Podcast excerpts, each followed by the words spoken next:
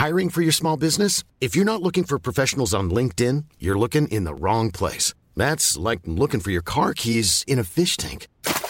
LinkedIn helps you hire professionals you can't find anywhere else, even those who aren't actively searching for a new job but might be open to the perfect role. In a given month, over 70% of LinkedIn users don't even visit other leading job sites. So start looking in the right place. With LinkedIn, you can hire professionals like a professional. Post your free job on linkedin.com slash people today. Many of us have those stubborn pounds that seem impossible to lose, no matter how good we eat or how hard we work out. My solution is PlushCare. PlushCare is a leading telehealth provider with doctors who are there for you day and night to partner with you in your weight loss journey. They can prescribe FDA-approved weight loss medications like Wagovi and Zepbound for those who qualify. Plus, they accept most insurance plans. To get started, visit plushcare.com slash weight loss. That's plushcare.com slash weight loss.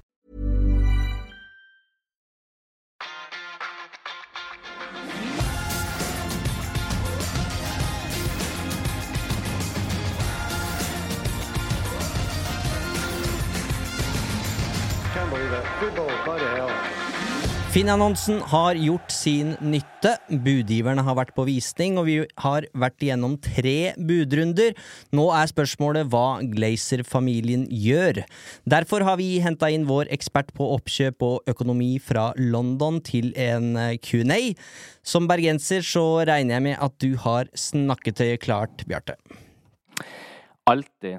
Jeg fikk en gang høre at jeg burde kommet med teksting så, uh, av, en, uh, av en kollega av meg fra Østlandet. Så uh, jeg skal prøve å, å gi mening til dette smått kaoset som vi er inne i i øyeblikket. Vi skal få med oss det du sier, Bjarte, uten teksting. Det skal nok gå helt fint. Um, vi har fått veldig mange gode, kunnskapsrike spørsmål, vil jeg si. Um, men nå som vi står ved et, eh, det endelige veiskillet her, hvilket spørsmål er det du brenner inne med før, eh, før vi får avgjørelsen fra, fra Glazer-familien? Eh, nei, altså jeg, egentlig ikke så veldig spørsmål. Eh, men det jeg er veldig, veldig veldig spent på, det er rett og slett det samme som alle er spent på. Vil Glazer rett og slett nå eh, selge Manchester United samlet, eller vil det bli en splittelse i søskenflokken på seks, der fire selger og to blir værende? Eh, der er en del ulike løsninger eh, som ligger på bordet. Eh, jeg er veldig spent på hva utfallet blir, for det kan ha stor, stor, stor ringvirkning på Manchester United, hvordan vi ser ut de neste fem til ti årene, og, og videre år for den saks skyld. Eh, Jeg tror vi skal gå gjennom status eh, per, per nå, før vi eh, gyver løs på, på spørsmåla vi har fått inn på Instagram og, og Twitter. Dette her åpna jo, og kom jo egentlig som en bombe i november, da Glazers åpna for salg av Manchester United. Eh, Siden har det vært et deadline-kjør uten like. Først skulle alle som var interessert, kaste hatten inn i ringen, og så har det vært tre budrunder siden. Eh, Det begynte på rundt 4,5 milliarder pund. Eh, Ryktene har hele tiden vært at Glazer-familien eh, de håper på å få seks. Det siste budet skal være på rundt fem milliarder pund. Så har det handla om to profilerte budgivere hele veien. Sheikh Yasim bin Hamad Al Thani og hans 92 Foundation. Og sir Jim Ratcliffe, representert ved sitt Inios. Eh, og så har det jo også vært inne andre aktører her på veien. Eh, Thomas eh, Siliakus fra Finland, en av dem, kom jo med et kreativt forslag til hvordan fansen kunne kjøpe halve klubben. Eh, han eh, trakk seg etter hvert og mente at Glazers budrunder var respektløse. Og det er jo nå Sheikh Yasim og sir Jim Ratcliffe vi står i, igjen med. Um, og det har jo ikke mangla på, på dramatikk her. Begge har vært på visning på, på Old Trafford, og i den ene budrunden så, så fikk de jo ikke registrert sine bud innen fristen. Det gikk um, helt i orden i, i tredje og siste runde. Begge har nå levert sine siste bud. Og nå venter vi da, Bjarte, på, på svaret fra Glazers. Og første spørsmål her kommer fra André, og er enkelt og greit Vil Glazers takke ja til ett av budene? Det er jo det store spørsmålet. Eh, hadde jeg visst 100% sikkert at svaret på det var ja, så hadde jeg eh, kjøpt så mange aksjer i Manchester United som jeg bare klarte. Jeg hadde solgt bilen eh, uten at konemor fikk vite om det. Jeg hadde investert alt jeg kunne i United-aksjer, fordi at den aksjen kommer til å bli eh, atskillig mer verdt eh, dersom det blir et salg. Eh, jeg tror de kommer til å selge. Jeg er ikke 100% sikker, det er jeg absolutt ikke, men jeg tror de kommer til å selge. Og litt av grunnen til det, eller ikke litt av grunnen, hele grunnen til det, er at hvis du ser på den eh, aksjeposten som Gleicher sitter med i dag i Manchester United De har jo alle disse B-aksjene som, som, vi snakker så mye om, som gir ti stemmer per aksje. Og så har de bitte liten andel på rett i overkant av 4% av A-aksjene. Hvis Gleisers selger hele sin aksjeandel på ca. 69% i United, så sitter de igjen med en pris per aksje som jeg har regnet ut i grove trekk, rundt 44 dollar per aksje. Eh, da kan vi huske på at toppnoteringen for United-aksjen den kom litt tidligere i vår, og den var på ca. 27 dollar. Og United-aksjen i dag omsettes for rett i underkant av 20 dollar. Så det viser litt hva enorm fortjeneste Gleisers vil sitte igjen med. Og etter tre budrunder og egentlig ganske liten utvikling fra budrunde nummer to til budrunde nummer tre, så tror jeg markedet har gitt et veldig klart signal til Gleisers. Her har vi nådd taket. Dere får ikke mm. noe bedre tilbud enn dette. Take it or leave it. Og da er spørsmålet skal de selge, eller skal to av de fire da bli sittende igjen med aksjer i United? Eh, og inngå i et partnerskap med, med mm, sir Jim Ratcliffe, kanskje? Eller skal det komme eksterne investorer på banen i form av amerikanske finansforetak og kjøpe ut de andre søsknene og eh, egentlig fortsette litt som, som før? Eh, men jeg har ikke så veldig tro, stor tro på at det, den siste løsningen blir, blir fremtiden for United. Til det så tror jeg tilbudene som nå ligger der, faktisk er for bra. Så det blir ikke flere runder nå, og du tror ikke Glazers kan gå ut igjen til sir Jim og Sheikh Yasim og si greit, nå har vi vært gjennom tre runder her, og det er fint det, men vi, vi skal ha nærmere seks milliarder? Jeg tror ikke det blir flere budrunder, men det kan godt være det blir dialog mellom Glacier-familien eh, og deres representanter og eh, sir Jim Ratcliffe og hans team og Sheikh Yasim og hans team. Eh, det er fullt mulig. Men jeg tror ikke det blir flere åpne budrunder. Eh, det har jeg veldig vanskelig for å tro. Og jeg var i, eh, i Manchester i helgen. Jeg snakket med en del folk som har fulgt med på denne prosessen. Noen av de har bedre inside information enn en andre. Eh, ingen tror på en fjerde runde. Er du enig med Siliakus i at det har blitt en farse, det her?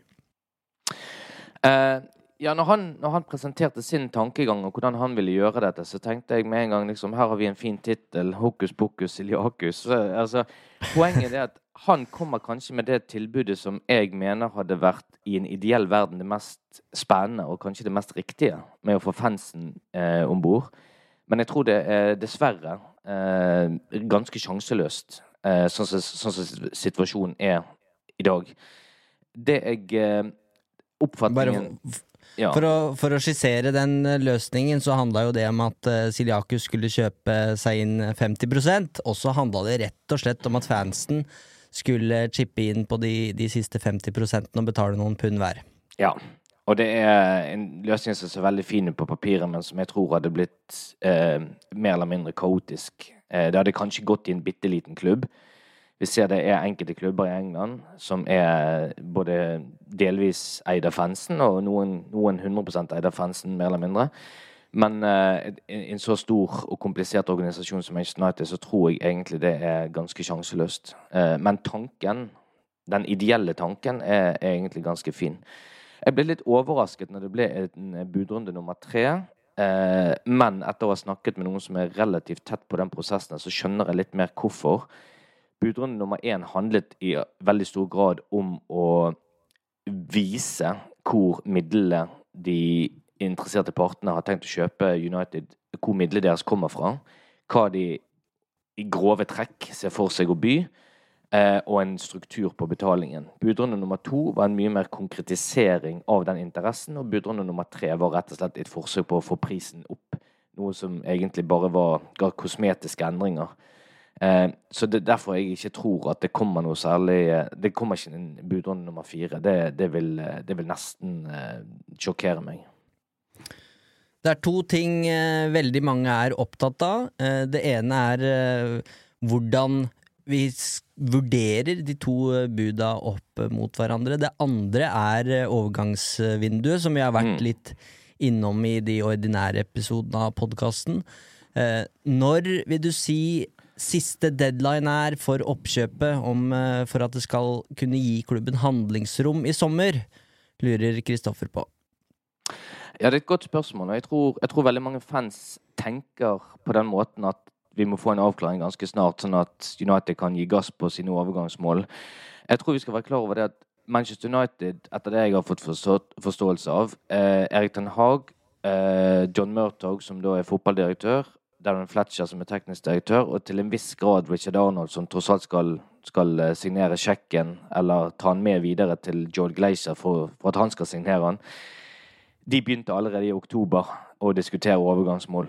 Eh, og det arbeidet har fortsatt ufortrødent videre. Jeg tror ikke det er noe deadline for når denne overtakelsen må i boks for at United skal kunne gå på markedet og si at vi, kan, vi vil ha den og den spilleren. Men det er klart jo nærmere du kommer sommeren, og mer usikkerhet knyttet til, eh, til eh, hele overtagelsen, jo vanskeligere blir det kanskje å være veldig konkret med tanke på hvor mye midler har du til rådighet, eh, og ikke minst hvilken struktur kan du få på betalingen. For det, oppi alt dette så skal vi huske på det at Manchester United har sagt at de skal tilbakebetale en, eh, en kredittfasilitet på ca. 200 millioner pund i juni. Det er en, det, det en eh, kredittfasilitet som er egentlig delt i to. der Den ene går ut til 2025, den andre går ut til 2027. Eh, og det forteller jo meg at eh, i utgangspunktet det skulle vært mindre penger tilgjengelig til spillerkjøp. Men da har vi en mulighet til at United da bare rett og slett dypper rett inn i den kassen igjen og tar opp en ny kreditt. Eller så tror man kanskje det, at her kommer det et eierskifte, og da er det like greit å bare få bli kvitt den, eh, bli kvitt den eh, kreditten som ligger der. Eh, Jeg tror ikke det er noe spesifikk deadline for når dette må i orden. Jeg tror United har løpende dialoger både med agenter og klubber hele veien. Men jo før det kan komme en avklaring, jo bedre vil det selvfølgelig være. Jeg, jeg tror det at United, etter det jeg har hørt, er relativt optimistiske på at de kan få tak i en eh, topp nummer ni i sommer. De er forberedt på at det kan koste nærmere 100 millioner, og de er forberedt på at det er en pris de må betale og kan betale. Så på en eller annen måte så må de finne finansene til det. Eh, men aktivitet utover det tror jeg denne sommeren kommer til å handle veldig mye om at det òg selges spillere. Kort fortalt, hvor stor er forskjellen på hvem som eier United i, i sommer? Altså Glazers kontra Ratcliffe kontra Sheikh Yasim. Eh, vanskelig å si akkurat denne sommeren. Jeg tror det vil ha mye større effekt på sikt. Eh, fordi at den gjelden som Manchester United har i dag, eh, totalt sett, hvis du legger til all gjeld som kom inn i United i forbindelse med overtakelsen, gjelden som United har til andre klubber på tidligere overganger, den kredittgjeld vi snakket om Hvis du legger sammen all gjeld som United har, så snakker vi om en gjeld på nærmere 970 millioner pund. Det er ganske mye penger, for å si det forsiktig. Og denne gjelden er i ferd med å bli såpass stor at den er vanskelig å håndtere for Glaciers. Men når jeg sier at den er vanskelig å håndtere, så er ikke det Altså, det koster United en del å ha denne gjelden. Eh, men finanskostnadene fra år til år er ikke, ikke enorme. Det er mer det at du har mindre eh, En mindre cashflow, en mindre kontantstrøm til å kunne bruke frie midler til det du vil. Eh, jeg tror at dersom Sheikh Yasim kommer inn, eller Jim Ratcliffe kommer inn på eiersiden til United, så vil du kunne se en gradvis opptrapping av eh, Altså, vi, vi, har, vi har kjøpt veldig mye spillere de forrige vinduene òg. Eh, jeg tror ikke investeringene både fra Shaken og Jim Ratcliffe kommer til å være betydelige. Men jeg tror spesielt Jim Ratcliffe vil være veldig opptatt av at Uniteds modell skal være mer bærekraftig og ikke så gjeldsfinansiert som man har vært frem til dags dato. Eh, og det betyr nok sannsynligvis at man tenker litt mer den banen at skal man kjøpe, så må man også selge. Og det er der skoen har trykket for United tidligere. tidligere.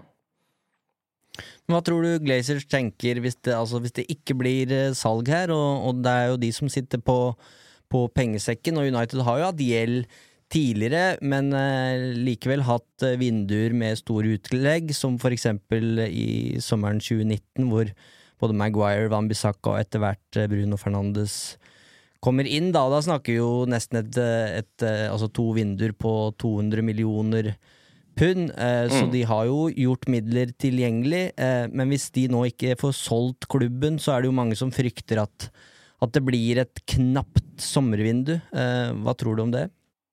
Ja, det, det, tror jeg. Det kommer i hvert fall til å bli knappere enn tidligere. Og det har jo John Murtog allerede signalisert, at det vinduet vi la bak oss i sommer, var litt ekstraordinært. Eh, siden du nevner 2019, så er det litt interessant å se. Grunnen til at jeg tror United hadde et veldig dyrt vindu i 2019, eh, det er kombinert av to ting. For det første så var det det første sommervinduet til Ole Gunnar Solskjær. Manchester United har for vane å støtte managerne sine ganske kraftig, med unntak av David Moyes, kanskje, eh, i det første sommervinduet som den manageren har tilgjengelig. I tillegg så hadde United veldig mye penger på bok akkurat eh, den sommeren. Eh, det er den beste Hva skal du si Det er den, den, sommeren vi har hatt med mest penger på bok. og dermed så måtte det, Dette vet jo selvfølgelig de klubbene som selger til United. Så derfor forlanger jo Leicester og Crystal Palace mesteparten av pengene up front, både for Herr Maguire og Arnvan Bissaka. Så det gjorde et ganske dypt innhogg i transferbudsjettet til United. Eh, går vi frem til sommeren som var, så er det helt riktig at vi investerte stort i spillere da, men da er det òg veldig interessant å se på at United utvidet den kredittordningen sin eh, med 100 millioner pund rett etter at Erik Den Haag ble Manchester United-manager. Og det var for å backe han på overgangsmarkedet så mye som mulig. Vi kommer ikke til å ha en lignende sommer denne sommeren som det vi hadde i fjor, med mindre det blir nye eiere. Det er i hvert fall helt sikkert. Vi skal se litt på de to uh, buda, Bjarte. Uh, og siste utvikling, som vi var innom litt i mandagspodkasten, er jo at uh, oddsen har forandra seg litt på hvem som er favoritt til å kjøpe Manchester United. ja, du kan si pendel svinger kanskje litt mer i favør av Jim Ratcliffe nå, etter at han åpnet opp for å beholde Joel og Avram Glacier hvis han da går for den eh, løsningen med at han blir en majoritetseier, og lar de få bli med en mindre aksjepost.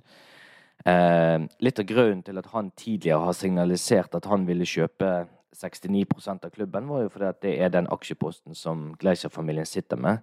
Og han så ikke nødvendigvis poenget med å kjøpe hele klubben så lenge han hadde et klart eh, flertall av aksjene.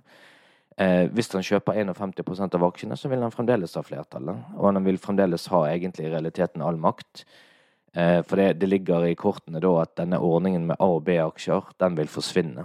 Eh, er helt, det er helt utenkelig at sir Jim Ratcliffe går inn og, og eh, betaler fem milliarder pund for Manchester United og lar Glazers beholde makten. Det skjer ikke. Um, Sheikh Yasim på sin side har jo sagt at han um, ønsker 100% overtakelse av klubben. Men i første omgang så kan han kun kjøpe eh, de 69% som tilhører Gleischer-familien. Uh, men så, hvis vi skal holde tungen litt beint i munnen her uh, United er registrert på New York-børsen, men selskapets adresse er faktisk på skatteparadiset Cayman Island. Og hvis jeg har forstått selskapsrett korrekt der Jeg brukte mye tid i går på å undersøke dette her det vil være tilstrekkelig Hvis han vil kjøpe 100% av United, så kan han fusjonere sin 9-2 Foundation med Manchester United. Og hvis han har mer enn to tredjedeler av aksjene, det vil han jo ha, så kan han eh, gjøre en fusjon som da tvangsutløser resten av aksjonærene. Og på den måten overta hele greien. Eh, så vil jo si det at det er sikkert noen som da motvillig vil gi fra seg aksjene. De kan, eh, de kan eh, klage inn hvis de ikke mener at de får en god nok pris.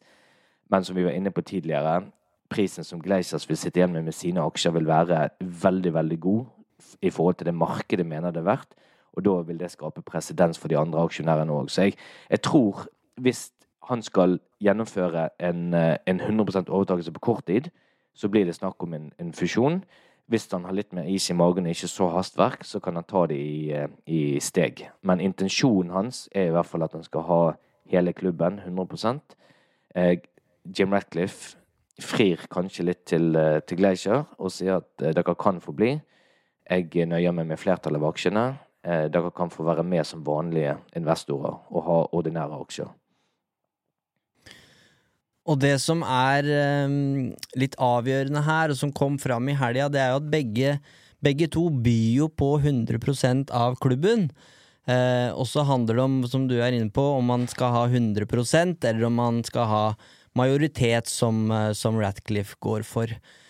Eh, og det som ble rapportert nå nylig, var jo at eh, disse lovnadene som sjeik Yasim har kommet med, har det hele tida vært antatt at kom i tillegg til det budet på da rundt fem milliarder pund.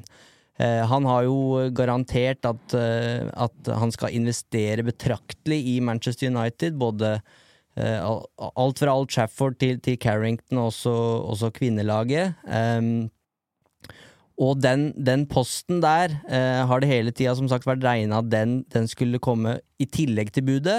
Mm. Eh, men det som kom fram i, i helga, det er faktisk bakt inn i de fem milliardene. Noe som kort fortalt da innebærer at Glazer vil sitte igjen med, med færre dollar hvis de går for, eh, for uh, Sheikh Yasim, enn hvis de går for, for tilbudet til Sir, Sir Jim, mm. eh, der det ikke er eh, lagt inn noen sånne investeringsposter. Det er et reint bud på, på klubben.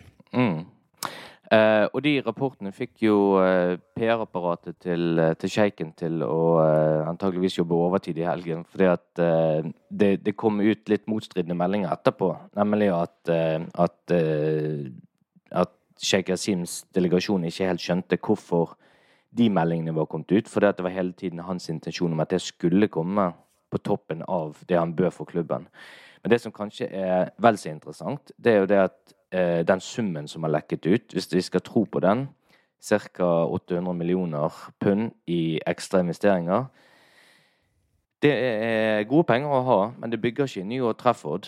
Eh, og det skaper litt flere Litt mer albuerom på overgangsmarkedet og litt mer eh, stabilitet rundt infrastruktur. Men det er ikke nok til å forandre Manchester United fra topp til tå. Så eh, min oppfatning hele veien nå har vært at det sjeik Yasim har lovet, alle har tatt det for god fisk. Det er veldig få som har stilt noen kritiske spørsmål. Eh, vi har fått vite veldig lite hva konkret er det han ønsker å å stille til eh, rådighet av midler for de nødvendige ulike opp, eh, hva skal si, investeringene, enten det er oppgradering av Trefford eller Carrington eller hva det måtte være. Mens det er blitt mye mer fokus på strukturen på det som, eh, som sir Jim Ratcliffe har bydd, og ikke minst det det var snakk om at han må ta opp gjeld for å kjøpe Manchester United.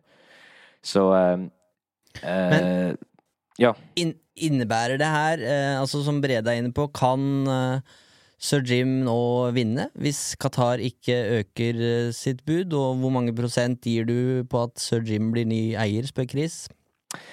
Jeg ville sagt det sånn i utgangspunktet nå at uh, Pendel er et sted mellom 55-60 i favør av uh, Jim Ratcliffe.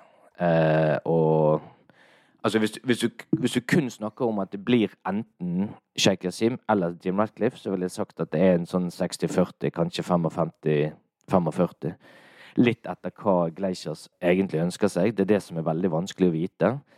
Hvis du ser en total løsning på det Vi har jo noen amerikanske investeringsfirmaer inne her. Jeg tror ikke det kommer til å bli løsningen, men du skal ikke utelukke det helt.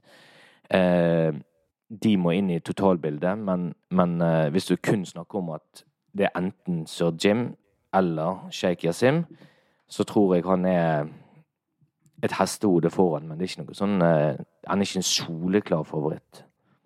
Men det er jo et veldig interessant uh, skifte, da, i, uh, i, kampen om Manchester United. Hvis vi skal forenkle det veldig, så har det jo vært en antagelse der hele tida om at Glazers kommer til å gå for det tilbudet som er høyest. Og eh, Qatar er, det, er den budgiveren som, som kommer til å legge mest penger på bordet.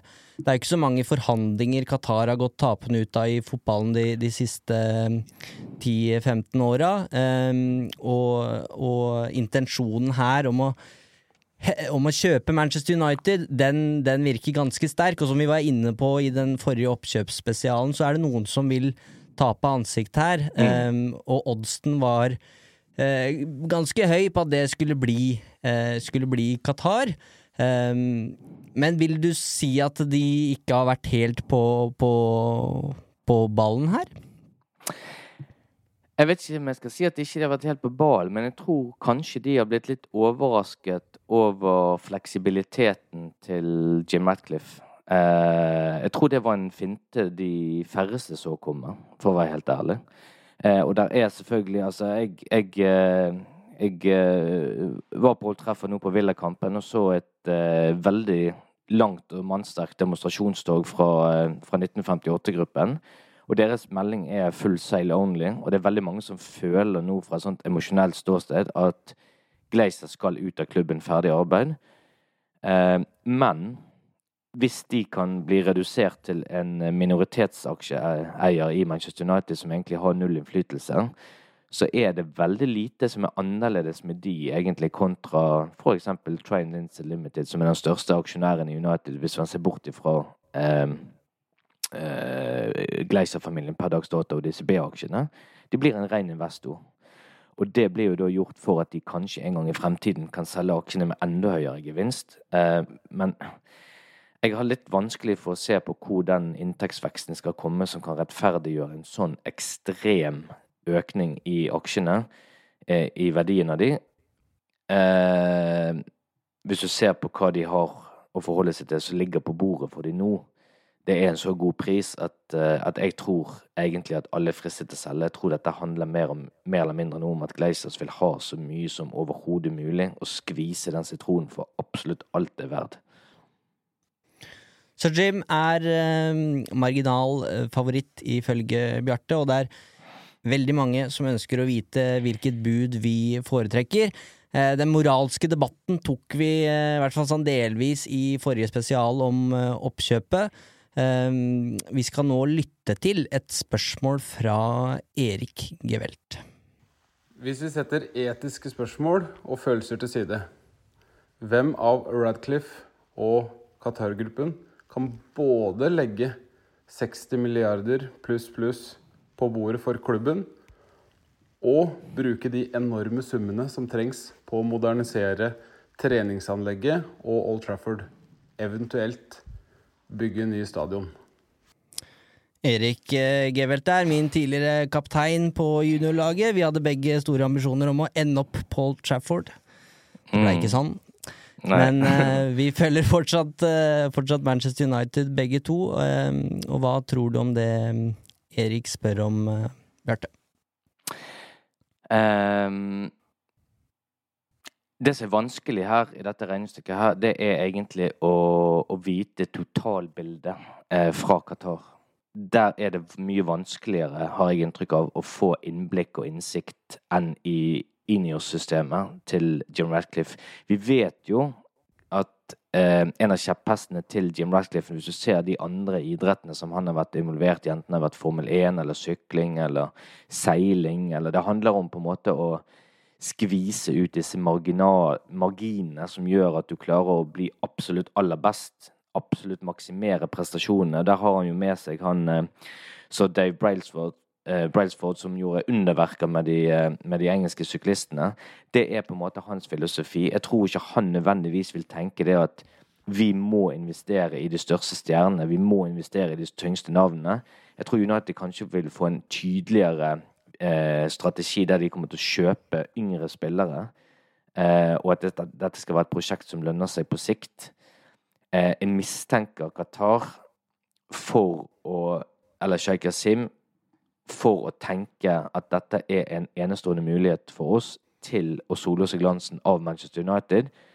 Da trenger vi at Manchester United kjemper om de gjeveste pokalene, er i toppen av Premier League, er i Champions League hele tiden, og at de da heller i retning av den eh, eh, PSG-modellen, der da må vi òg ha de største stjernene. Eh, men for å gå konkret på det, på, på det spørsmålet som han sier, det er veldig vanskelig å, å svare konkret på nøyaktig, eh, hvis vi legger alle følelser til side, hva som vil være mest fordelaktig for United. For hvis du ser på en klubb som f.eks. Brentford eller Brighton nå, så gjør jo de underverker med en brøkdel av Uniteds budsjett. Fordi at de har en veldig klar strategi på hva de holder på med. Og vi var jo egentlig på den veien under Solskjær. Vi fikk et mye yngre lag enn det vi hadde hatt tidligere. Og så har vi hentet inn litt mer noen eh, spillere med litt mer erfaring, eh, type Casemiro for eksempel, eh, under Erik Den Haag. Men det handler òg om å få resultater her og nå. Eh, men vi må ha en langsiktig strategi, og det tror jeg eh, den, Akkurat den biten tror jeg er mer, og kommer til å bli mer ivaretatt med eh, sir Jim Ratcliffe. Så skal jo sant sies at hvis vi ser på hva han har gjort med NIS, så han gjort en del bra ting. Men han har ikke lykkes liksom til fulle med å gjøre NIS så gode som det fansen eh, hadde trodd. Han har måttet prøve og feile litt der. Jeg tror den største forskjellen er at hvis han kommer til Manchester United, så kommer han til en av verdens største klubber med et apparat som fungerer egentlig ganske bra. Han slipper å bygge det opp på nytt igjen. Det handler om å skvise ut de siste prosentene og få gjerne enkelte folk inn i nøkkelposisjoner for å kunne ta noen strategiske, viktige avgjørelser. Eh, og hvis du ser på en sånn fornuftig eh, strategi på sikt, så tror jeg United vil være best tjent med eh, sir Jane Ratcliffe. For jeg tror ikke heller at Sheikh Asim er en som kommer til å, å kaste perler etter svinet, for å si det sånn. Jeg tror han kommer til å være bevisst på hva han bruker penger på eh, på Old Trafford. Men kan man si litt forenkla, eh, som det ofte blir når jeg skal trekke konklusjoner her, eh, i den saken her, at eh, altså at Sheikh Yasim egentlig kommer til Old Trafford, og, eh, og hans innsalg er på mange måter at vi kommer til å sørge for at Manchester United vinner Premier League og Champions League ved å investere slik at klubben får det beste sportslige apparatet som fins, eh, den beste stadion, det beste treningsanlegget, eh, og selvfølgelig midler på overgangsvinduet til å forsterke laget betraktelig. Mens innsalget til, til, eh, til sir Jim handler mer om hva skal jeg si erfaring rundt det å bygge eh, både fotballklubb og sykkelklubb og seilelag og Formel 1-team og det som er. Eh, at han har forståelsen for hva som trengs i idretten, selv om det skal, eh, som du var innom, at vi, vi, skal ikke glemme at det ikke bare har vært suksesser, men han er på en måte inne i, i um, i eh, sportsbransjen med hud og hår, eh, og dette er ikke første, det første prosjektet han, han tar over. Eh, også i tillegg den komponenten med at han er en, en local lad som riktignok har vært mye, mye utenfor Storbritannia mm. i sitt uh, yrkesliv, men uh, han kommer på en måte med en annen approach. Al altså mens Sheikh Yasim sender sin delegasjon til Old Trafford for den visninga de skulle ha, og det innsalget de skulle gjøre der, mm. så kommer sir Jim personlig eh, for å pitche for eh, Richard Arnold. Mm. Ja, jeg tror, det, jeg tror, ikke det, er helt feil oppsummert. Eh, samtidig så kan du si det at de løftene som, eh, som eh, Sheikh Yasim kommer med, det er kanskje akkurat det veldig mange fans vil høre. Men det er òg kanskje de vanskeligste løftene å innfri på. Å si at vi skal vinne Premier League eller si at vi skal vinne Champions League, eh, det er nesten umulig å kunne love. Ikke bare nesten, det er umulig. Eh, se hvor lenge City har prøvd for å vinne Champions League. Se hvor lenge PSG har prøvd å vinne Champions League. De lykkes så langt. Bank i bordet, måtte det fortsette. De klarer det ikke. Eh, og, eh, og uh, uansett hvor mye penger du investerer, uansett hvor mye bra du gjør, til syvende og sist handler det om marginer. Eh, mm. Og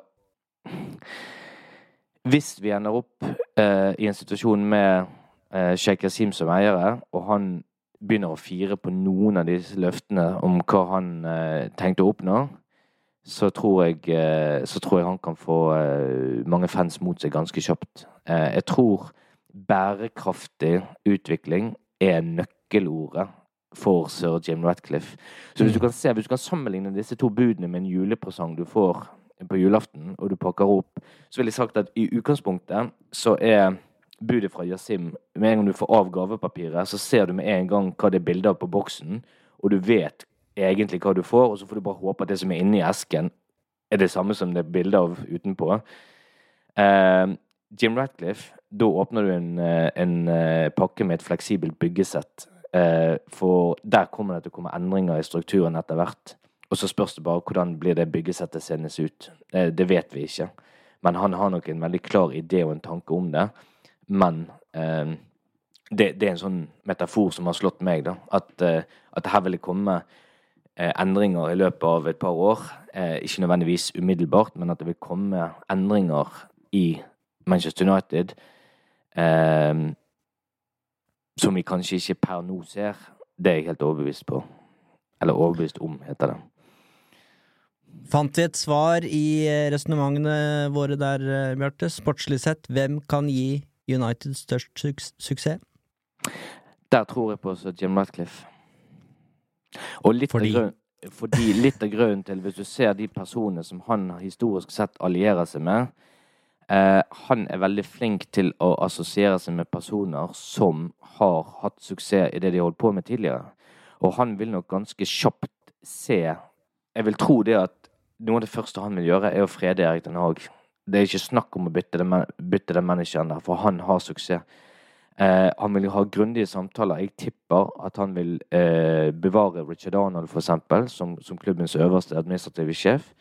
Eh, så har det vært snakk om Paul Mitchell inn i en stilling hvis han skulle overta. Eh, han har vi, vært, han har vi vært lenket til før. Eh, en dyktig mann, men nå begynner John Murtog å få ganske bra kontroll på United. Så jeg vet ikke om det er nødvendigvis det, det beste, men dette er jo rykter. Men han er vant til å finne de rette personene og få de inn i de rette stillingene. Så vet vi det, som vi har sagt tidligere fra NIS, at han hadde visse problemer der. Men hvis du har sett på hva han har gjort i andre idretter, så har han vært veldig flink til å finne de rette personene. Det som er en utfordring, og som er usikkerhetsmomentet med Qatar-budet, er at han har eh, folk rundt seg som er dyktige finansfolk, dyktige forretningsfolk, veldig dyktige forretningsfolk, fantastiske forhandlere, men med minimal erfaring fra fotball. Eh, og det, det er alltid noe som bekymrer meg. Se f.eks. på hva Chelsea holder på med nå. De har, det er ikke det at de har manglet penger til å investere, men de har investert feil. De har investert uten en plan. De har investert uten en struktur. Og nå er de i gang med Frank Lempert som sesongens tredje manager, og han har vel nå seks tap på seks kamper. Og det er snakk om at eh, kanskje de skal eskalere denne prosessen med Mauricio Pochettino for å få inn sin fjerde manager denne sesongen. her. Det er egentlig en stilstudie på hvordan man ikke skal gå frem. Um, vi har konkludert med at Sir Jim er ikke bare favoritten her nå, men eh, også kanskje det beste valget for eh, Manchester United. Men vi har fått mange eh, bekymringsmeldinger eh, på, um, på, budet eh, til sir Jim Ratcliffe. Ehm, vi slår sammen to av dem her. hvis sir Jim kjøper mesteparten av klubben, men ikke heller, hva er dumt med det, spør Johannes. Mens Vegard spør hvor hvor mye innflytelse vil Glazers sitte igjen med, i tilfelle de beholder la oss si 20% som jo uh, Ratcliffe har åpna opp for? Um, for å ta det første spørsmålet først. Uh, det var et spørsmål om uh, hva er det som er eh, dumt med at Sir Jim altså kjøper eh, litt i overkant av 50% av klubben, da, i, i, i motsetning til Sheikh Yasim, som går mm. for 100 eh, Rent for I utgangspunktet så ser jeg én hake med det, og det er at hvis han kjøper enten 51% eller 69% uansett hva det måtte bli, så vil han sitte med kontroll i United, og det er fint for han. Eh, og forhåpentligvis for fansen òg, hvis det var det som skulle skje. Det som kan bli et problem, det er hvis de i fremtiden da skal investere tungt i Old Trafford, investere tungt i, i eh, digitale løsninger for å nå ut til flere fans verden over, gjøre investeringer i Manchester United som skal føre til at Manchester United tjener mer penger. eh, vil han som en eier av 51% av aksjene i United eh, Hvilke planer har han da for en verdiøkning av Manchester United, eh, der han må investere, men alle de andre aksjonærene vil nyte godt av hans investeringer? Det virker som en litt sånn eh, ubalansert eh, fremgangsmåte, hvis du skjønner hva jeg mener. Altså, det, det virker litt grann eh, underlig hvis alle aksjonærene i United skulle nyte godt av at hovedaksjonæren eh, investerer veldig tungt i klubben. Eh, akkurat den får jeg ikke helt til å gå opp. Der er jeg litt usikker på hvordan det kommer til å bli. og Derfor, derfor er jeg litt tilbake til det som er sammen med det byggesettet. Jeg vet ikke helt hvordan Jim Ratcliffe ser for seg driften av United i et femårsperspektiv eller tiårsperspektiv. Men jeg antar at han har en plan for det òg. Jeg blir veldig overrasket hvis ikke. Han er, en, han er en fyr som ikke liker å overlate ting til tilfeldigheter. Um, så det er egentlig det eneste problemet, sånn sett som jeg ser. Hvis jeg snakker om det andre spørsmålet, hvor mye Gleisers vil ha å si, så ligger jeg det som en forutsetning uh, at ordningen med A- og B-aksjer forsvinner hvis uh, Jim Ratcliffe kjøper mer enn 50% av aksjene i United. Og dermed så forsvinner òg den lukrative ordningen med at de har ti stemmer per aksje. Så de blir å se på som en hvilken som helst annen aksjonær. Hvis ikke det gjøres en eller annen hestehandel på kammerset, holdt jeg på å si, så vil jo eh, Jim Ratcliffe sitte med flertallet av aksjene når United skal ha sitt årsmøte. Det betyr at han og Inios egentlig kan bestemme hvem som skal sitte i United-styret. Eh, og hvis ikke de da har gjort en avtale på forhånd med Gleiser-familien om at de skal få minst én eller to eh, posisjoner i styret, så vil de egentlig ikke ha noe som helst innflytelse på Manchester United lenger. En annen bekymring rundt uh, Ratcliffe-oppkjøp er gjelden til uh, United. Uh, Øyvind lurer på hva det betyr i praksis for Uniteds del om gjelden blir omplassert i Inios.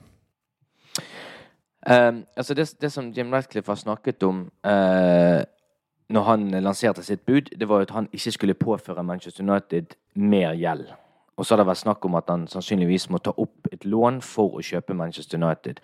Og dermed er det veldig mange som får et allergisk reaksjon og tenker at her har vi Glazer 2-0. Eh, dette her blir eh, helt katastrofe. Veldig kort fortalt, det er ekstremt sjeldent at oppkjøp av bedrifter, eh, hvis vi kan kalle Manchester United det, i denne størrelsen her blir løst ut cash. Og grunnen til det er at hvis Jim Ratcliffe hadde fem milliarder pund til rådighet, og det har Inios, eh, så er det ikke det lureste å bare cashe ut det. Det er mye smartere å låne penger, betale de rentene som ligger på de lånene og de finanskostnadene der, og heller bruke de frie midlene som man har til rådighet, da, og investere i andre ting som gir en høyere avkastning enn finanskostnadene med å ha lånet. På den måten så lønner det seg å ha gjeld, og det er grunnen til at han det er den viktigste grunnen til at han kommer til å sannsynligvis låne de pengene på et eller annet vis for å kjøpe Manchester United. Det er egentlig null dramatikk i det.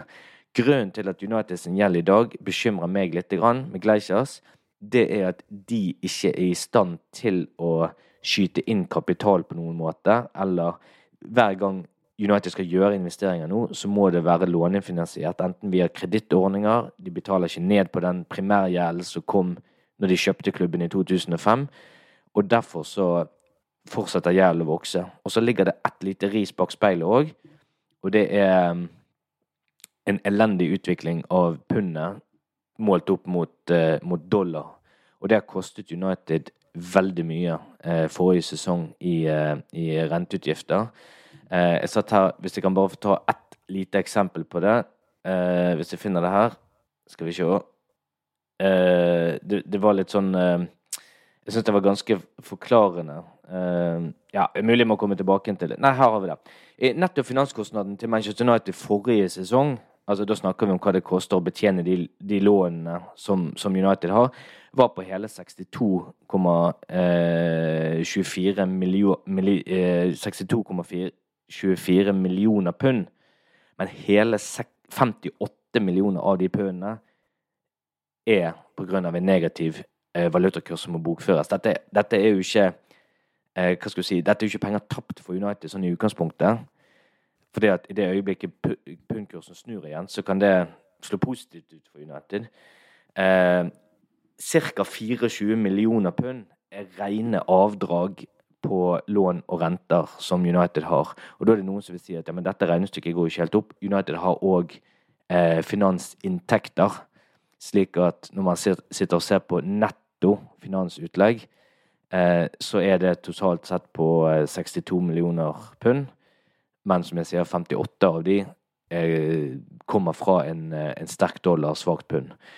Dette blir litt sånn teknisk, men eh, det er det du kan oppnå hvis gjelden blir for stor. Da blir du mer sårbar for denne type svingninger. Det vil ikke Inios være, det vil ikke Jim Ratcliffe være, og det vil sannsynligvis ikke eh, Sheikh Yasin være heller. For det at de vil sitte med en helt annen kapital og helt andre finansielle muskler enn det Gleisers-familien vil. Det er bare i, Uno vi går fra å sammenligne fruktnøtt og mokkabønner til å snakke om eh, hvordan en eh, milliardbedrift skal håndtere gjeld. Eh, mye teknisk terminologi der, Bjarte. Jeg håper lytterne hang med, men ehm, vi har fått et spørsmål til, og det, handler jo altså Sheikh Yasim vil jo fjerne all gjeld, og Øystein lurer på altså Går det an å si noe konkret om hvor mye handlingsrommet til klubben vil hemmes av, eh, av Eller per i dag, da. Hvor mye handlingsrommet til klubben hevne, he, hemmes av gjeldsbyrden? Hvor mye ville situasjonen endra seg over natta om gjelden blei sletta med et pennestrøk? Jeg tror vi var inne på noen ganske sentrale tall, akkurat det som jeg, eh, de tallene som jeg viste til.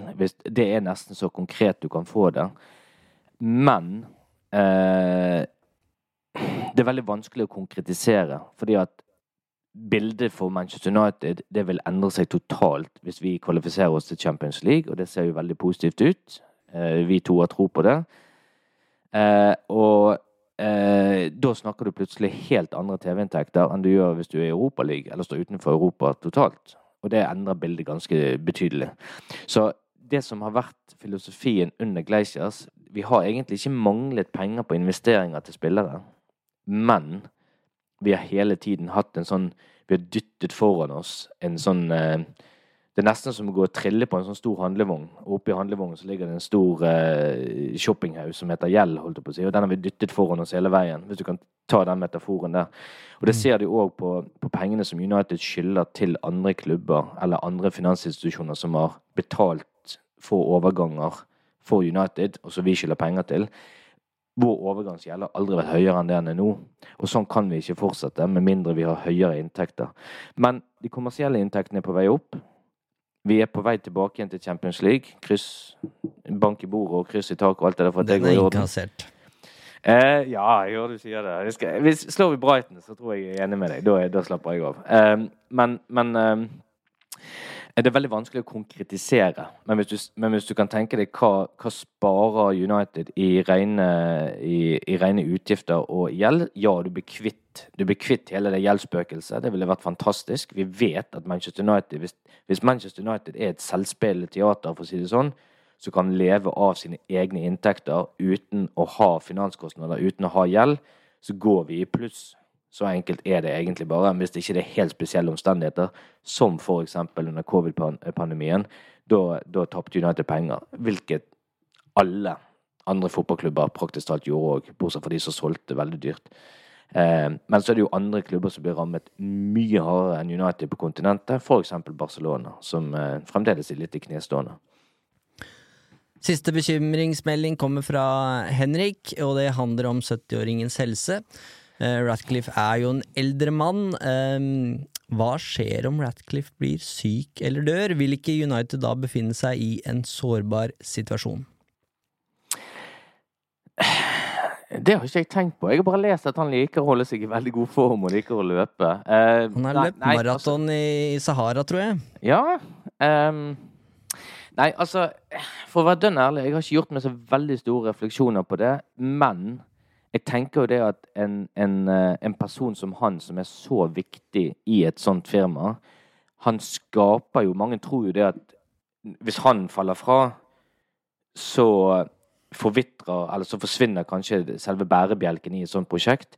Jeg ser det kanskje litt annerledes. Jeg tenker kanskje litt mer sånn eh, Walt Disney. Du skaper et eller annet som, som, som vil leve videre i en eller annen form. Du skaper en kultur i den bedriften. Du skaper en sånn kultur i Inios om at de vil være nyskapende, nytenkende, eh, utviklende. Og, og dermed så På sikt så tror jeg ikke at Inios er 100% avhengig av Sir Jim Ratcliffe for å lykkes. Det vil sannsynligvis være noen som står klar til å ta over, eh, om ikke akkurat den samme rollen som han har, men på en eller annen måte. Så jeg er ikke så bekymret for akkurat det. Um, nei, det er jeg ikke. Vi flytter fokus fra mm, Ratcliffe og Inios til eh, Qatar og sjeik Yasim, og vi skal få et spørsmål fra Andreas. Fordelen med å ta et spørsmål muntlig er jo at det er lettere å flette inn flere spørsmål i spørsmålet. Så det beklager jeg på forhånd, Bjarte. Men eh, det jeg lurer på er eh, Sheikh Yasims eh, 92 Foundation. Det er jo et eh, fint navn, men hva vet vi egentlig om selve stiftelsen? Er det i det hele tatt en stiftelse? Hvilke personer er involvert? Jeg stusser jo over at eh, media tilsynelatende ikke har gjort mer for å undersøke dette.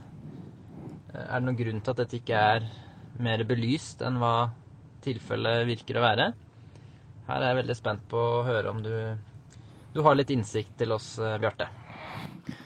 Andreas sitter sikkert og koser seg med mokkabønner mens han eh, lytter. Eh, hva veit vi egentlig om uh, sjeik Yasims eh, 92 Foundation, Bjarte? Egentlig altfor lite til at jeg eh, føler meg 100% komfortabel. Og det tror jeg gjelder de fleste andre journalister som òg dekker denne saken her. Og det tror jeg rett og slett handler litt om at det er mye lettere å ettergå eh, Inios, Jim Ratcliffe, følge eh, Follow the money. Det gir deg ofte veldig gode svar. Det, selv om han eh, bor i eh, Monaco og er skatteflyktning og sparer mye penger på den måten, så går det an å gå i ulike selskapsregistre. Det går an å gå i, inn i oss. Det går an å se hva selskapet er verdt, hva de omsetter for. Det går an å se strategien hans. Eh, det er mye vanskeligere eh, å bli helt klok på, eh, på 92 Foundation og hvordan eh, pengestrømmen er der. Og det Altså u og Men, det- men her, her, som du sier, eh, følg penga, og ja. eh, her må vi kunne si at 92 Foundation er jo en stiftelse som er etablert for å kjøpe Manchester United. Ehm, så i motsetning til Ineos, som er en milliardbedrift som, har, eh, som, eh, som Ratcliffe har bygd opp, så er jo det her en stiftelse som sjeik Yasim ehm, leder for, eller er pres president for, eller hva, hva vi skal si. Um, men den, hva skal jeg si, den praktiske virkningen som 92 Foundation har, det veit vi jo ikke ennå. Nei, det er akkurat det. Så skal vi si til sjeiken sitt forsvar Nå er det kanskje noen som oppfatter meg som veldig kritisk til han, men eh, det er ingen tvil om at han er en veldig dyktig og respektert businessmann. Eh, det ser du med flere av de posisjonene som han har hjemme i Qatar, og, og det nettverket han har rundt seg. Eh, og så er det én ting til som, som, eh, som det riktignok ikke blir spurt om her, men som er viktig å understreke. Og det er at eh, hvis du går inn og ser på Financial Fair Play-regelverket både til Uefa og ikke minst til Premier League, så skal de ha en veldig klar eh, struktur og en veldig klar opplysning på hvor pengene eh, kommer fra ved en overtagelse av en klubb. Slik at hvis det er noe sånn eh, lumske monkey-business eller noe sånt, holdt jeg på å si, så, så Altså, det er utrolig hva dyktige advokater klarer å trikse og mikse og, og, og, kanalisere fra et firma til et annet. Det så vi gjennom med overtakelsen til, til Newcastle, som, som lå veldig lenge og ventet på å bli godkjent. Men hvis man klarer å finne en løsning for å legge til rette for at Public Investment Fund til Saudi-Arabia kan kjøpe Newcastle, så, eh, så er jeg 100% sikker på at man klarer å finne det samme med, med Sheikh Yasimo og 92 Foundation det stilles strenge krav fra Premier League eh, hvor de pengene skal komme fra.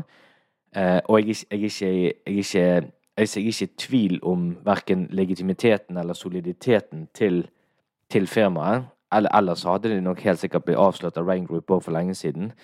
Eh, men det er veldig vanskelig for oss per nå å si hvor de kommer fra. Jeg har forsøkt å grave, jeg har forsøkt å lete. Det er, det er veldig vanskelig egentlig å bli veldig klok på, eh, på nøyaktig eh, hvordan strukturen kommer til å være med 92 Foundation og, og Sheikh Yasim. Ja, du, du, du sa jo ordet nettverk i stad, og det er jo nøkkelen her. Mm. Fordi sjeik Yasim bin Hamad al-Thani, eh, som er frontfiguren for dette oppkjøpet, var jo en helt ukjent mann for de aller fleste, også i forretningsverden. Eh, det blei vel eh, sagt eh, i de første ukene der at ikke engang de som er nærmest sjeiken, kan fortelle hvor mange barn han har. Um, og og det, det sier jo litt om hva, hvor lite informasjon som fins. Uh, men hans viktigste verv var jo på mange måter uh, i den qatarske banken QIB. Um, Qatar Men- Islamic Bank, ja. Mm. Det er jo hans far som er, uh, hva skal vi si, uh, veien til pengene, da, hvis vi skal, hvis vi skal følge de. Eh, han er jo sønn av en tidligere statsminister Mm. i Qatar, Sheikh sjeik Hamad bin Yasim bin Jaber al-Thani. Eh, kort fortalt kalt HBJ. Ja. Det høres mye bedre ut på engelsk. HBJ. Ja. Eh, men HBJ på norsk. Eh, og han var en så mektig figur i Qatar at han eh, måtte trekke seg tilbake da det ble utnevnt ny emir i 2013. Han hadde vel vært både utenriksminister og statsminister fram til det, men ble Mm. rett og slett sett på som en trussel mot den nye emir, emiren, og har ehm, og har handla, eller vært mest synlig internasjonalt etter det. Og emiren som tok over i 2013, var jo, eh, var jo denne mannen som ga Messi kappa på, eh, etter VM-finalen. Mm. Eh, og HBJ, da. Eh, han er jo eh, da søkkrik eh, og satte sine private midler på de samme investeringene som han gjorde på vegne av Qatar, ifølge Mm. rapportene, og har hatt en veldig viktig rolle i Qatars inntreden og suksess på det internasjonale markedet. Han kalles jo mannen som kjøpte London, eier jo eh, Eller Qatar eier veldig mye eh, av byen du nå sitter i, Bjarte. Ja. Og eh, HBJ var altså mannen som var initiativtaker til det. ja. Ehm, og det gjør altså at han har, har eh, sitter på, på private midler som, som også kan knyttes til Qatar, gjør at det, det viser at skillet mellom statlige og private midler er minimalt i Qatar, eh, og derfor så er det Det er grunnen til at det er nærmest umulig å si om, om United blir kjøpt av statlige midler eh, eller ikke. Ehm, og så er det interessant å merke seg at faren har jo vært kritisk til sønnens oppkjøpsplaner. Um, han sa hvis, en da, hvis, det, hvis det en dag viser seg å være en god investeringsmulighet, vil jeg vurdere det. Men jeg vil ikke se på det som, uh, som noe som bare er reklame. Um, og han var også mot VM eh, i Qatar, men erkjente i ettertid at det var riktig for landet, fordi Qatar fikk veldig mange besøkende under, under mesterskapet. Um, Så det er jo faren som ses på som kilden til pengene for sjeik Yasim. Og det at han har gjort såpass mange private investeringer eh, på vegne av Qatar, for å si det på den måten, gjør at eh, det er vanskelig å skille om det er Qatar som kjøper Manchester United, eller om det er faren, eller om det er sønnen. Mm. Ja, eh, det, det, er sant. Eh, og her eh, er det jo litt interessant, for det at, altså, som du sier, jeg innbiller meg Det har jeg sagt, det har jeg tenkt hele tiden uten at jeg vet det 100 sikkert. Men jeg innbiller meg at Sheikh Yasim på en eller annen måte må ha familien sin backing for å få eh, gjennomslag for dette budet.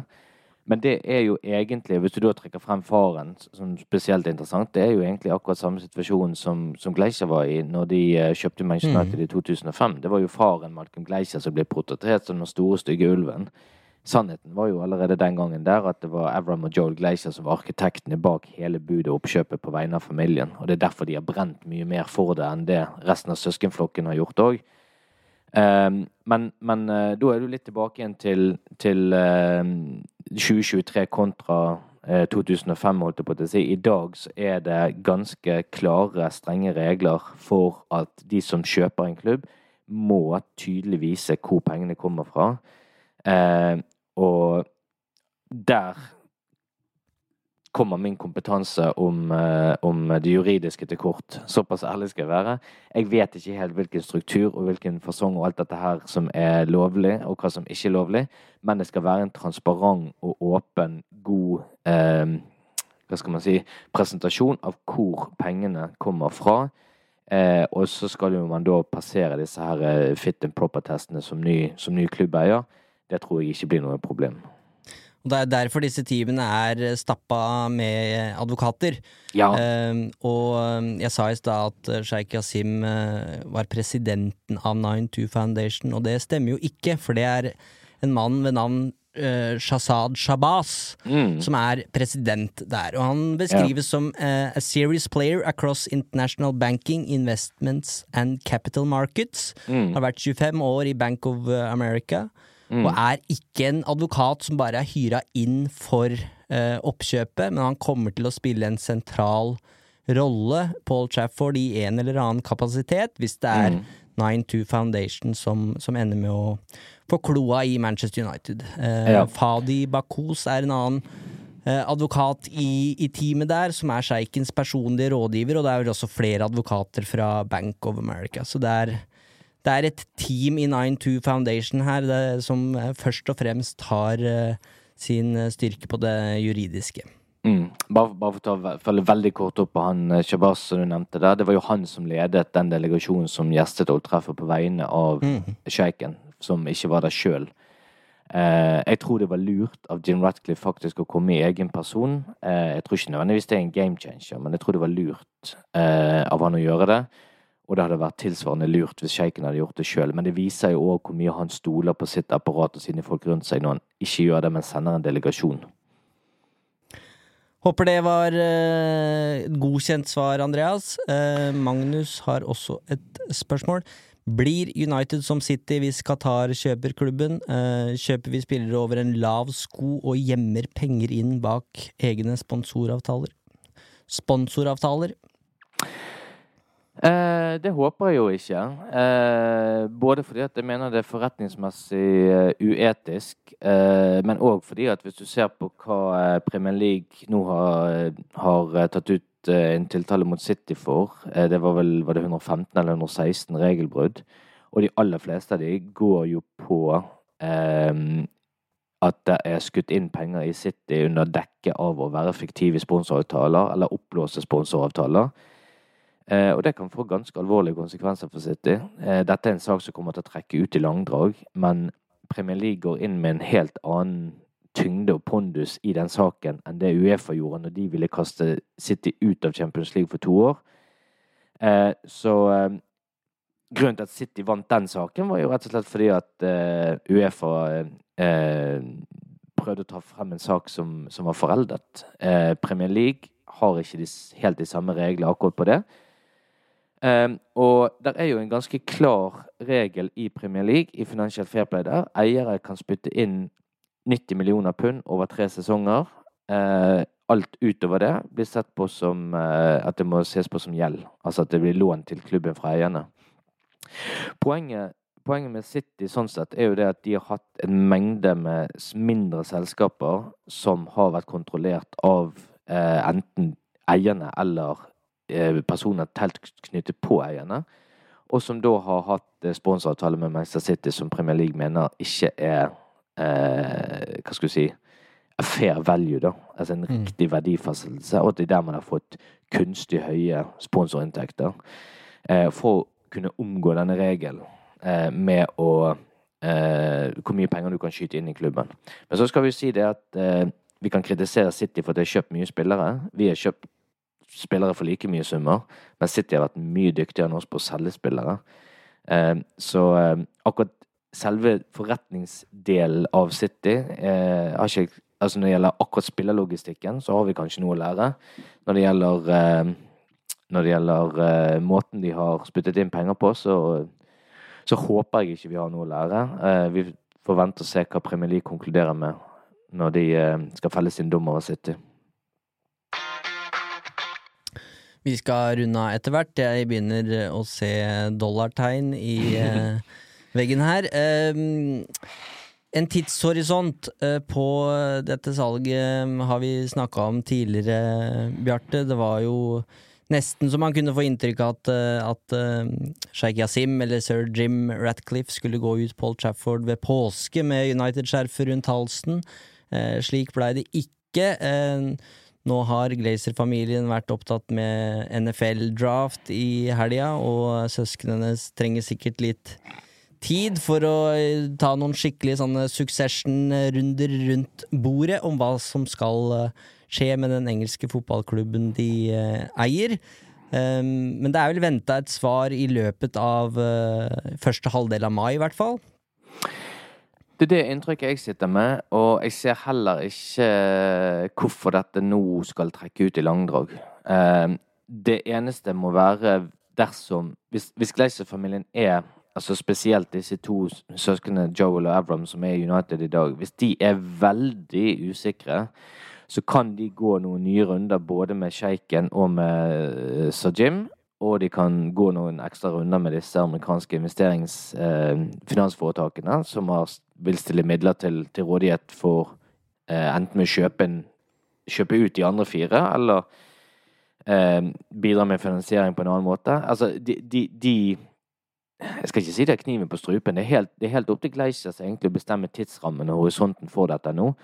Men jeg tror de sitter nå med en klar formening og en klar forståelse av at dette som nå ligger på bordet, er sannsynligvis det beste tilbudet de får per dags dato i 2023. Nå har de et par, par alternativer å forholde seg til, men jeg tror de fleste av de sier 'take it or leave it'. Og da er det akkurat det de må gjøre. Og spørsmålet er vil de gjøre det. Vil de fortsette som United-eier, eller vil de selge og si det at ok, vi har vært der i 18 år, det holder. Um, det er vanskelig å si.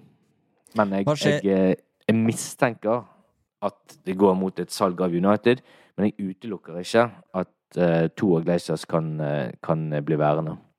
Ja, Kort fortalt, hva skjer hvis det ikke blir salg, spør Martin? Da blir det bråk. Det kan jeg garantere. Da blir det bråk av noen dimensjoner vi aldri har sett før rundt Old Trafford. Garantert. Det kommer til å vakke en enorm harme blant United-fansen.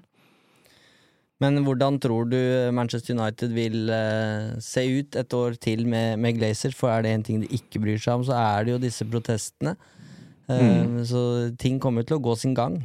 Ja, altså de, de er ganske hardhudet der, altså. Det skal de ha. Uh, I første omgang neste sesong kommer ikke til å være så dramatisk, fordi at hvis United er tilbake inn i Champions League, og, og sponsorinntekter, kommersielle inntekter er på vei opp, så vil United holde hodet over vannet ganske fint neste, eh, neste sesong. Og, er vi tilbake inn regelmessig i Champions League under Erik Ten Hag, så kommer vi til å ha det sånn tålelig greit. Vi kommer til å være omtrent der vi har vært tidligere, eh, men Gleiser-familien er nødt til å, tror jeg, eh, prioritere nedbetaling av gjeld eh, for å ha litt bedre kontroll på fremtiden. Det jeg er mest bekymret for da, det er en eh, eventuell oppgradering av eh, Old Trafford. Eh, fordi at der trengs det mye midler. Og det er vanskelig for Glaciers å gå ut med dagens gjeldsbyrde og be om enda mer gjeld hvis ikke de har en klar plan for hvordan de skal tjene penger på en ny Old Trafford. Snakketøyet det har fått eh, kjørt seg, Bjarte. Det har blitt eh, ny Uno-rekord her i antall uh, minutter. Du verden. Vi avslutter med noe lett. Uh, din favorittsjokolade i uh, de engelske butikkhyllene? I alle år så har jeg vært veldig svak for Bounty. Helt til Toblerone kom med sin variant av fruktnøtt. Den er helt himmelsk. Jeg elsker fruktnøtt. Jeg Du er på slag team eh, fruktnøtt, rett og slett. Ja, jeg slår et slag for fruktnøtt. Først og fremst pga. rosinen. Rosin det skal være på all mulig grøt. Rømmegrøt, fløyelsgrøt, risengrynsgrøt, havregrøt. Det skal være på frokostblanding, det skal være på eh, yoghurt, det skal være på det aller meste. Rosiner er fantastisk. Der lander jeg. Ja.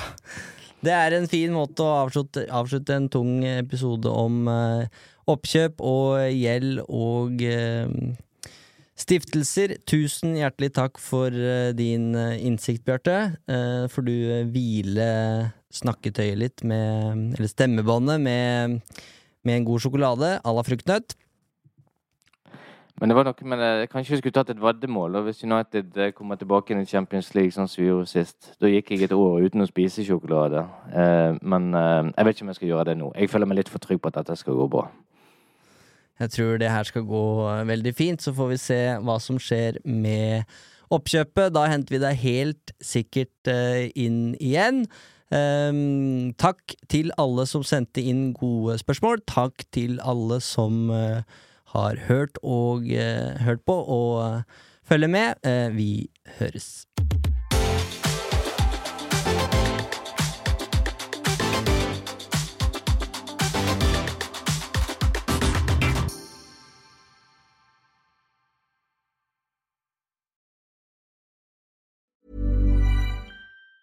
Planning for your next trip? Elevate your travel style with Quince. Quince has all the jet setting essentials you'll want for your next getaway, like European linen, premium luggage options, buttery soft Italian leather bags, and so much more. And is all priced at 50 to 80% less than similar brands. Plus, Quince only works with factories that use safe and ethical manufacturing practices. Pack your bags with high-quality essentials you'll be wearing for vacations to come with Quince. Go to quince.com slash pack for free shipping and 365-day returns. Mom deserves the best, and there's no better place to shop for Mother's Day than Whole Foods Market. They're your destination for unbeatable savings, from premium gifts to show-stopping flowers and irresistible desserts. Start by saving 33% with Prime on all body care and candles. Then get a 15-stem bunch of tulips for just $9.99 each with Prime. Round out Mom's menu with festive rosé, irresistible berry chantilly cake, and more special treats. Come celebrate Mother's Day at Whole Foods Market.